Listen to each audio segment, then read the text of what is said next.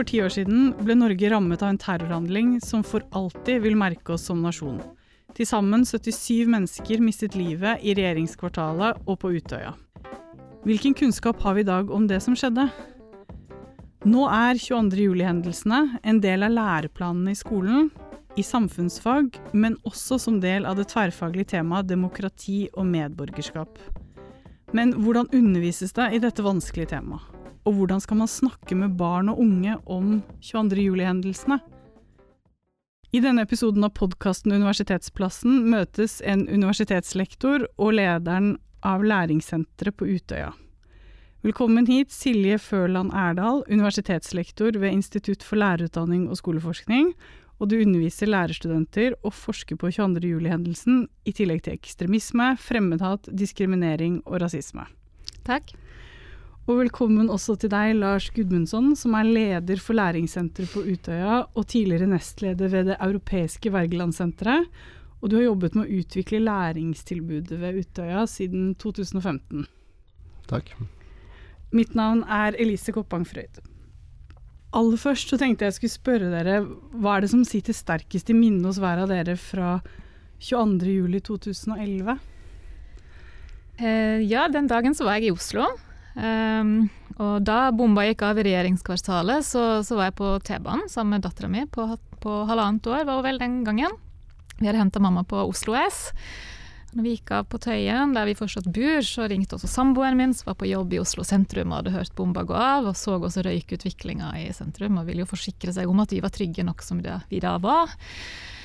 Og ja, vi dro jo hjem og begynte å følge nyhetssakene på, på TV-en. Og så ringte altså pappa, som var på vei til Oslo den dagen, uh, som satt i bilkø ved Tyrifjorden utafor Oslo uten å helt vite hvorfor.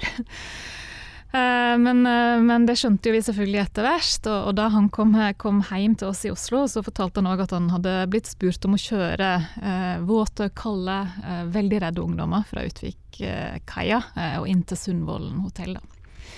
Sånn rent sånn umiddelbart så følte vi veldig at denne terroren hadde ramma oss ganske sånn nært eh, som familie. Men, men eh, når vi da fulgte disse nyhetssendingene og på en måte tok inn alvoret og så eh, hvor, hvor, stor denne katastrofen var, så var det jo selvfølgelig først og fremst vantro og sorg og sinne over det som hadde ramma oss uh, som samfunn, og også disse enkeltmenneskene da, som var ramma. Mm. Mm. Så det er liksom det som sitter sterkest fra liksom akkurat den dagen. Mm. Hva med deg, Lars?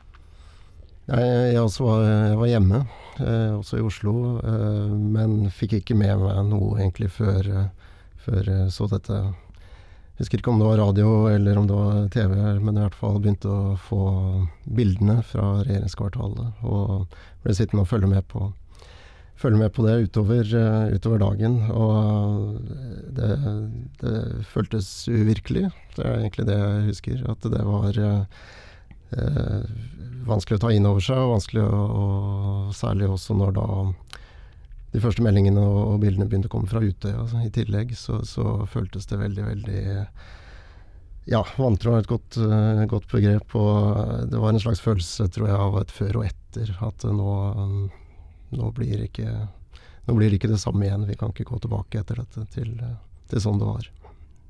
Mm.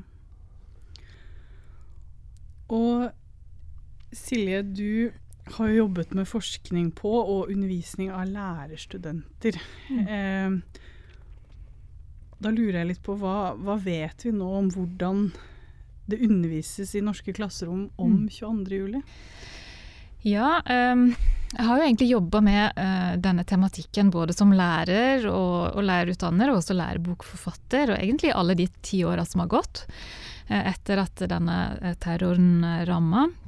Men, eh, men det, var, det, ble, det, var vel en slags sånn oppvåkning eh, noen år seinere, sånn i 2014-2015. Da ble det publisert en studie, eh, Anker og von der Lippe, som intervjua både lærere og elever om i hvilken grad 22. juli ble tematisert i undervisningen. Og kom, da kom det jo fram at det i liten grad var tematisert, langt på vei tabubelagt.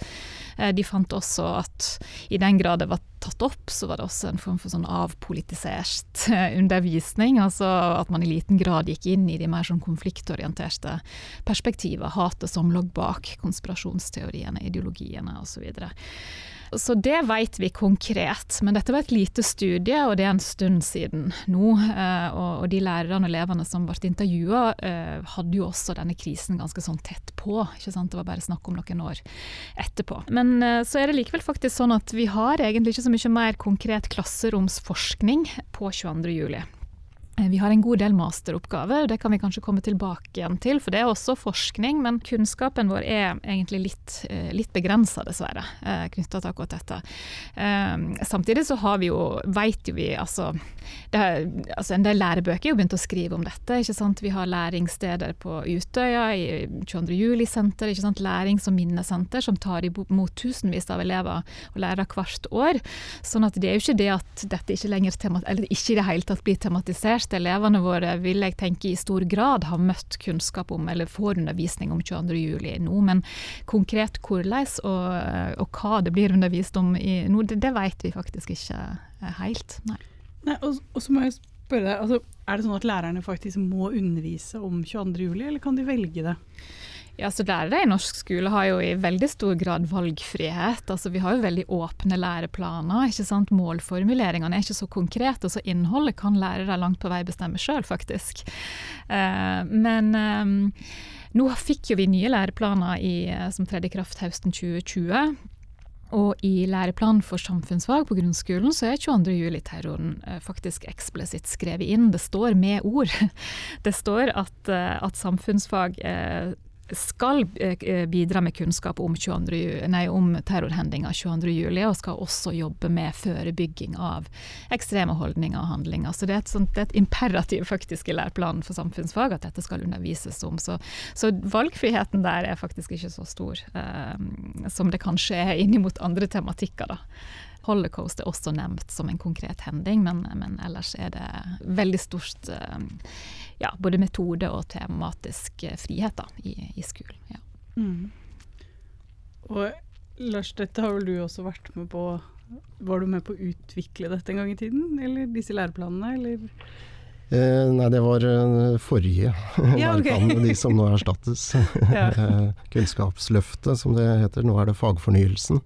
Og, og der er det jo interessant eh, nettopp det at, at det 22.07 er kommet inn eksplisitt, i og med at det er et, ganske, det er et unntak da, i, i, hele læreplanverket. Innholdsmomenter er i veldig liten grad nevnt i noe fag, eh, og det er kompetanse som er, er, er, det som uttrykkes gjennom læreplanen. og Det er jo derfor det er så stor valgfrihet for lærerne sånn som du sier, om, om hva man kan velge å undervise om eller ikke, så lenge elevens kompetanse eh, oppnås. Så, så derfor det, er det jo et slags signal, mener jeg det, at 22.07 er, er da ansett som så viktig å undervise om at det faktisk er nevnt eksplisitt. Eh, og i det så ligger det jo en, en, eh, et slags signal om veldig tydelig at det ikke kan velges bort, da, sånn som jeg tolker det i hvert fall. Mm. Mm. Og da må jeg spørre deg, Lars. Altså, du som da er leder for læringssenteret på Utøya, kan du fortelle litt hvordan er det dere jobber med for dere har jo et undervisningsopplegg dere også, eller vil du kalle det ja, eh, det har vi. Det er jo ikke et klasserom. Tvert imot er Utøya et åsted, eh, blant annet. Blant mye mer. Og det, det gjør det jo til noe helt, eh, helt annet. Men ja, vi har et, et læringstilbud. Det er et, en viktig del av det Utøya er, er, i dag, ti år etter 22.07. Det er et læringstilbud som er knytta til læringssenteret på, på Utøya, Heinhuset som det, som det heter, eh, som jo er et resultat av eh, en av mange vanskelige valg som ble tatt på Utøya etter, eh, etter 22.07.2011. Nettopp dette med hva, hva nå? Eh, skal Utøya gjenreises? Eh, skal det bli et sted kun for minne? Eh, det var, det var mange mange mange vanskelige valg som både AUF sto, sto opp i, som, og, og, selvfølgelig med alle berørte av, av terroren. Men etter en del eh, fram og tilbake og en veldig god og inkluderende prosess, bl.a. med mange, mange, av de berørte og etterlatte, så, så ble et kall det et kompromiss, men i hvert fall dette Heinhuset ble etablert. Og det, det, som er spesielt med det, er jo at det er et læringssenter. Det er et, et nytt rom for læring som er skapt på, på Utøya, nettopp for å nå ut med kunnskap om 22.07. til nye generasjoner og andre som ikke var til stede, eller kanskje etter hvert selv ikke har minner om, om hva som hendte. Eh, men så er det også da i, i, dette nye bygget så er det også ivaretatt eh, en god del av det gamle kafébygget som sto på, på Utøya og var det sentrale forsamlingspunktet eh, på Utøya fram til 22.07. Eh, og dette er også det eneste stedet der det nå er fysiske spor etter terroren eh, 22.07. Så rundt dette bevarte kafébygget er det nå laget et, et ganske flott eh, arkitektonisk bygg, der det er symbolsk bestående av 69 søyler som bærer dette nye taket over det gamle bygget. Hver av de søylene representerer da en av de drepte på Utøya. I tillegg så er det da 495 søyler som igjen omkranser disse 69 hegner om minnene om de som døde, og hegner om de verdiene og de, det engasjementet de hadde, og som også var grunnen til at de var et mål for terroren. Um, og dette er jo også utgangspunktet vårt når vi, når vi da tar imot skoleklasser, elever, lærere, andre engasjerte ungdom fra frivillige organisasjoner, ungdomsråd, fritidsklubber, idrettslag osv. At det er en, med utgangspunkt i hva som faktisk skjedde, så uh, går vi derfra til også knytte det an til hvorfor det skjedde, årsakene, og ikke minst også videre til ungdoms og elevers eget demokratiske eh, ikke bare ansvar, men også engasjement og muligheter. Da. Altså hva, hva, er demokrati? Hvorfor var det disse verdiene og det, og det som ble angrepet på Utøya, hvorfor, eh, hvorfor, skjedde det, og hva kan, hvorfor er dette relevant for ungdom på 14-15-16 år i dag? Så det er, det er, på en måte inngangen vår, og, og det vi har et, eh, et undervisningsopplegg rundt, som da også er eh, alt fra å ta imot skoleklasser på, på besøk over kortere tid, gjerne en, en, en dag til uh, tredagers samlinger for elever fra ulike skoler kommer sammen og har tre dager, to overnattinger på Utøya, og, og diskuterer og jobber med denne type tematikk. Mm. Og så er det sånn, Jeg har skjønt at det er noe som da heter 22. juli-senteret, men forskjellen der er vel at på Utøya så kan vel ikke hvem som helst dra og besøke, ikke sant? Mens, ja. Ja, nå skal det sies at, det, at vi har et, et, godt og nært samarbeid med 22. juli-senteret, som ligger eh, i sentrum av Oslo, i regjeringskvartalet. Og vi har også et, et veldig godt samarbeid med Det europeiske Wergelandsenteret, som, som, vi har hatt helt siden, siden vi starta arbeidet med læringstilbudet tilbake til 2015. Det er i motsetning til 22. juli-senteret, som du sier, så er det jo Utøya ikke så tilgjengelig, rett og slett. Det er en øy. Eh, det er, eh, man må over med en ferge. Det er eh, også noe med kapasitet og annet, så, så våre læringstilbud er noe man melder seg på. Mm.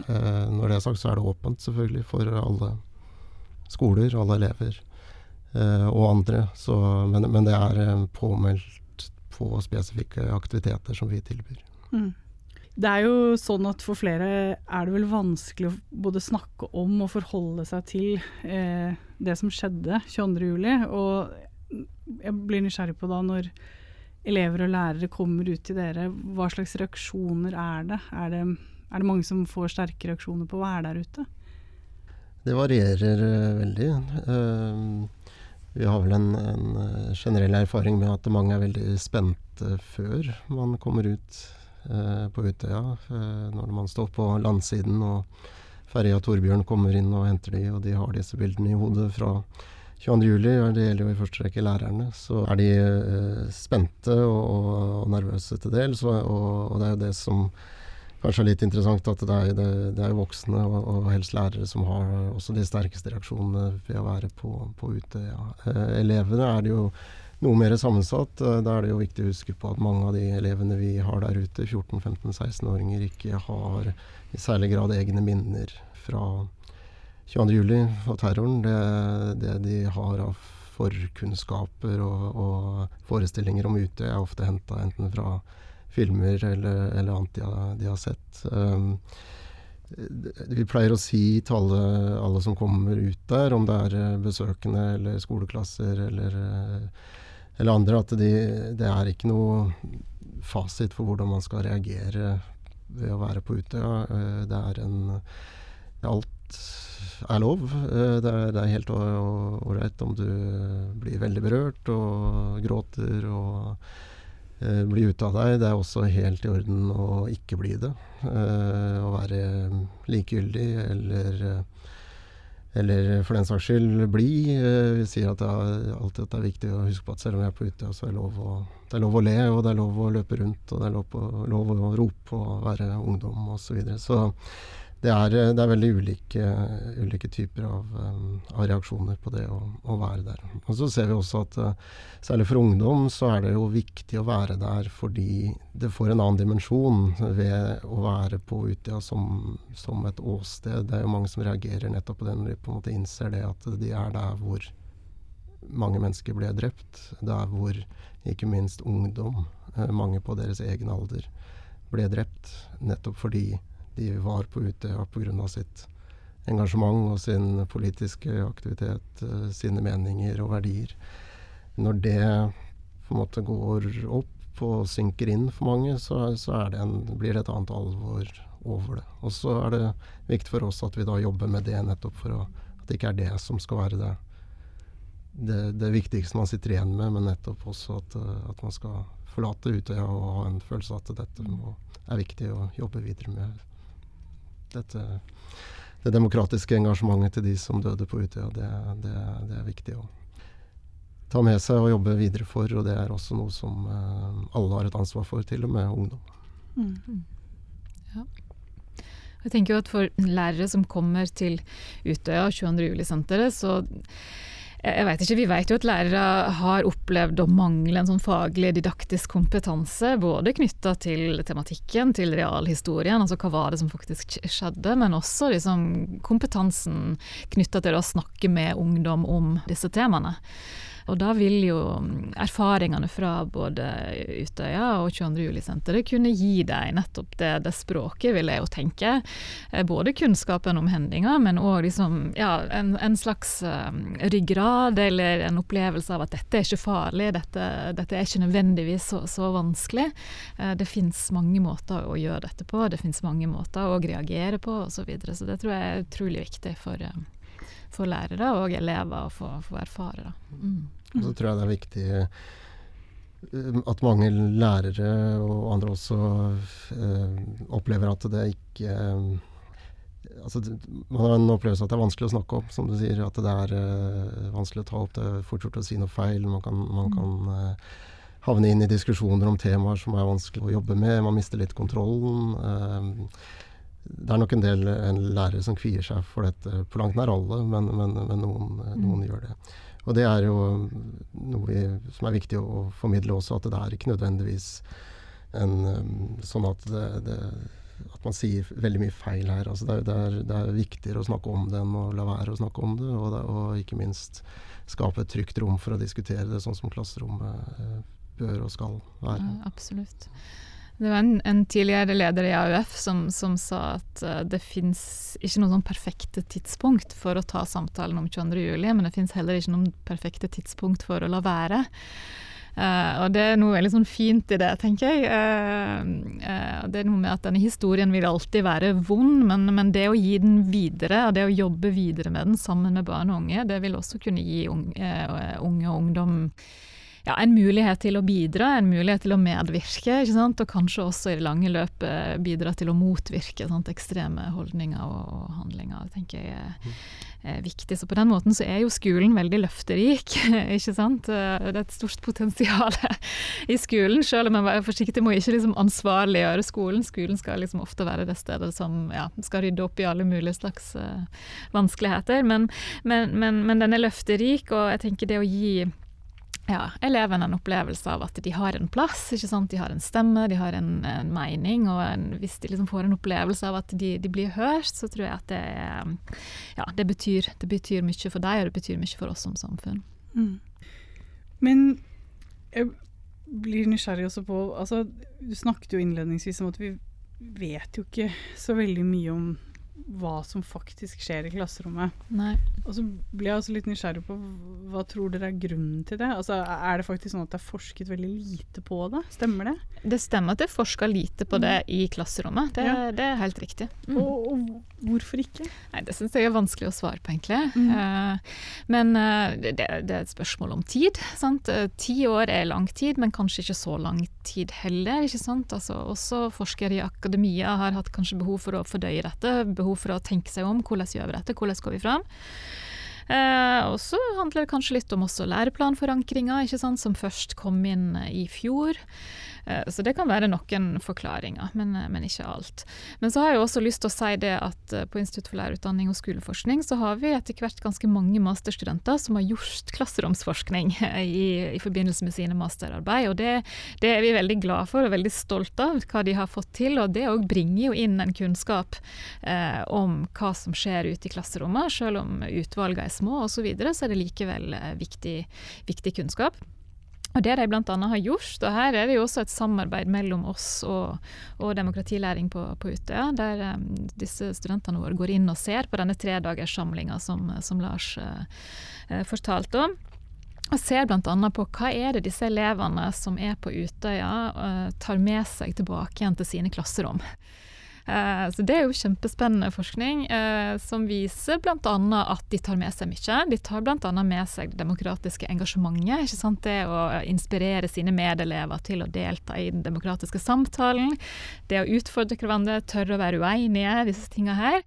Eh, men det som òg kommer fram, er at kanskje de glemmer litt å ta med eh, denne realfortellinga om 22.07-terroren. Hva var det som skjedde denne dagen? Ikke sant? For det lurer elevene på. De, de, lurer på hva var det som skjedde. Hvorfor skjedde det? Hvordan kunne dette skje? Ikke sant? Sånn at det òg er på en måte viktig å inspirere elever og lærere til å, å snakke om, og også ta det med inn i samtalen om, om demokratiet og om 22.07-terroren. Ja, absolutt. Og det, det er jo et veldig, veldig viktig også fordi som jeg sa i stad, at mange, mange, elever har jo ikke egne minner her. og Det er lett for oss eh, litt eldre å ta det for gitt at alle veit hva som hendte 22.07, men det er ikke sånn lenger. Eh, det må faktisk læres og fortelles. Eh, og det er viktig også at historien om, om 22.07 fortelles hva skal vi si, riktig, og eh, på en måte som, som ikke etterlater for store rom for alt fra konspirasjonsteorier og annet som, som, som fort eh, dessverre eh, dukker opp. Og der er jo noe av det som vi ser som vår, vår oppgave også på Utøya, er jo nettopp det å gi, gi en, en, en, tydelig fortelling eh, basert på de faktiske hendelsene eh, på Utøya. Og i, i Heinhuset så blir jo dette veldig, veldig tydelig gjennom både nærheten til der det skjedde, de fysiske sporene, og også tidslinje f.eks. Som, som viser minutt for minutt nærmest, kombinert med tekstmeldinger fra, fra de som var på øya den dagen. Eh, som til sammen gir et, er to måter å fortelle den konkrete historien på som, som gir et veldig sterkt, uh, inntrykk. Mm. mm. Og så er det jo også viktig å, å si at det finnes jo nå mange gode ressurser etter hvert for lærere, særlig til hjelp i undervisning om 22. juli, også knytta til den faktisk, hvordan jobbe med den faktiske historien. Eh, det finnes alt fra digitale tidslinjer og oppgaver til konkrete eh, øvelser og ressurser man kan man kan uh, bruke, og, og undervisningsopplegg uh, på, på, alle trinn. Så eh, både 22. juli-senteret, Det europeiske Wergelandsenteret og vi på Utøya har, har dette tilgjengelig mm. på nett, bl.a. Så det fins gode ressurser tilgjengelig som, som, er en støtte til lærere som kanskje både er usikre på hvordan gripe dette an, og, og um, trenger noen tips for å, for å, både å komme i gang og for å føle en viss trygghet i, i å ta dette temaet opp i klasserommet. Ikke sant. Og jeg tenker at de, de ressursene som du henviser uh, til, de syns jo jeg eh, og dekker veldig godt liksom, kompleksiteten i fortellinga om 22.07. Kanskje noe av den kompleksiteten som, eh, som mangler i, i, den studien som jeg viste til innledningsvis. Da hadde bare vært vist til at her snakkes det kun om de harmoniorienterte perspektiver, mens nå er jo veldig, veldig mange andre perspektiver også dekt i de og da må jeg spørre, Hva er harmoniorienterte perspektiver?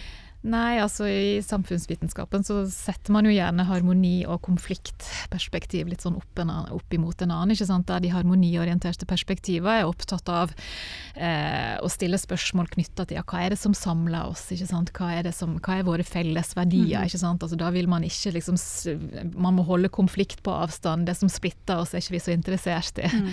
ikke sant? Sånn at hvis man på en måte kun forholder seg til de perspektivene, da kan man ikke stille spørsmål knytta til hva er det vi er uenige om. Ikke sant? Hvor kommer hatet ifra? konspirasjonsteoriene konspirasjonsteoriene, alt som vi trenger å stille spørsmål om hvis vi skal skjønne eh, hvorfor dette kunne skje. Mm. ikke sant? Men det jeg ville fram til, var at jeg syns at, at både 22. juli-senteret og oppleggene på Utøya dekker på en måte kompleksiteten veldig, veldig godt. Og det får også veldig godt fram både samfunnsperspektivet og individperspektivet.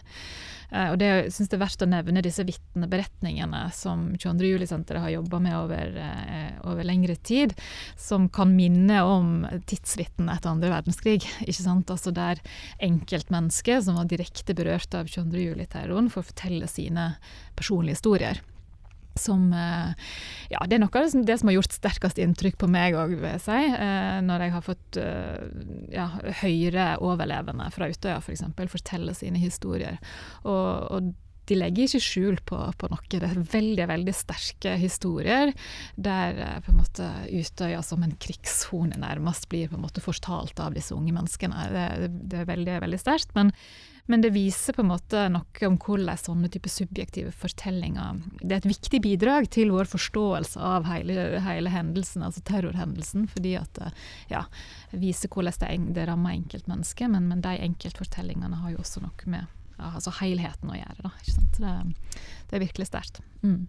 Men jeg bare tenker sånn, det må jo også være for lærere, da. Det må jo være ganske komplisert også kanskje å undervise i dette, i og med mm. at det er jo ikke så langt tilbake i tid, sånn som du sier, Lars. Altså, de fleste voksne vil jo huske det ganske mm. godt. Og det er jo noe som En ting er den, eh, det dere kaller realhistorien, eh, hva som faktisk skjedde, men så er det det politiske, da. Det mm. landskapet som vi fortsatt mm. lever i i dag, og hvor det da er flere som har begått terror etterpå og sagt mm. at de har vært inspirert av hendelsene 22.07. Er det noe som har kommet fram i forskningen eller til masterstudentene, eller? Det er jeg usikker på om det har kommet fram hos masterstudentene. Det er jo i aller høyeste grad kommet fram i forskning eh, knytta til høyreekstremisme osv. Men jeg tror også når det gjelder undervisning, så tror jeg det, det blir eh, ja, det, Jeg mener det er viktig å kunne si at dette var eh, en Det var ikke bare et fysisk angrep, det var et politisk angrep på, på Arbeiderpartiet, på Arbeiderpartiets ungdom. Det kan være, kanskje være vanskelig å si akkurat de ordene, men det, det, det er det som er tilfellet. Dette var et politisk angrep. og Da må man også inn i de politiske spørsmålene, kontroversene knytta til eh, ideologien. Konspirasjonsteoriene, hatet som ligger bak. Og Det er også en del av undervisninga som blir gitt på 22. juli-senteret og på, på Utøya. At man liksom, ja, man, man ser på det, altså det høyreekstreme tankegodset. Mm. Ja, absolutt. Og, og, det er jo det er som du sier, en, en eh, Det har noe med tid å gjøre, selvfølgelig, men nå ti år etter så, så er vi jo kommet dit at det faktisk er mulig å si, mm. og flere og flere gjør det og aksepterer det, at dette var et angrep på Arbeiderpartiet, og mer spesifikt på AUF, eh, ungdomspartiet. Eh, det var ikke et tilfeldig mål Nei. på noe som helst måte, og det var selvfølgelig også begrunna da i de, den politikk og de verdier som eh, AUF og Arbeiderpartiet står for.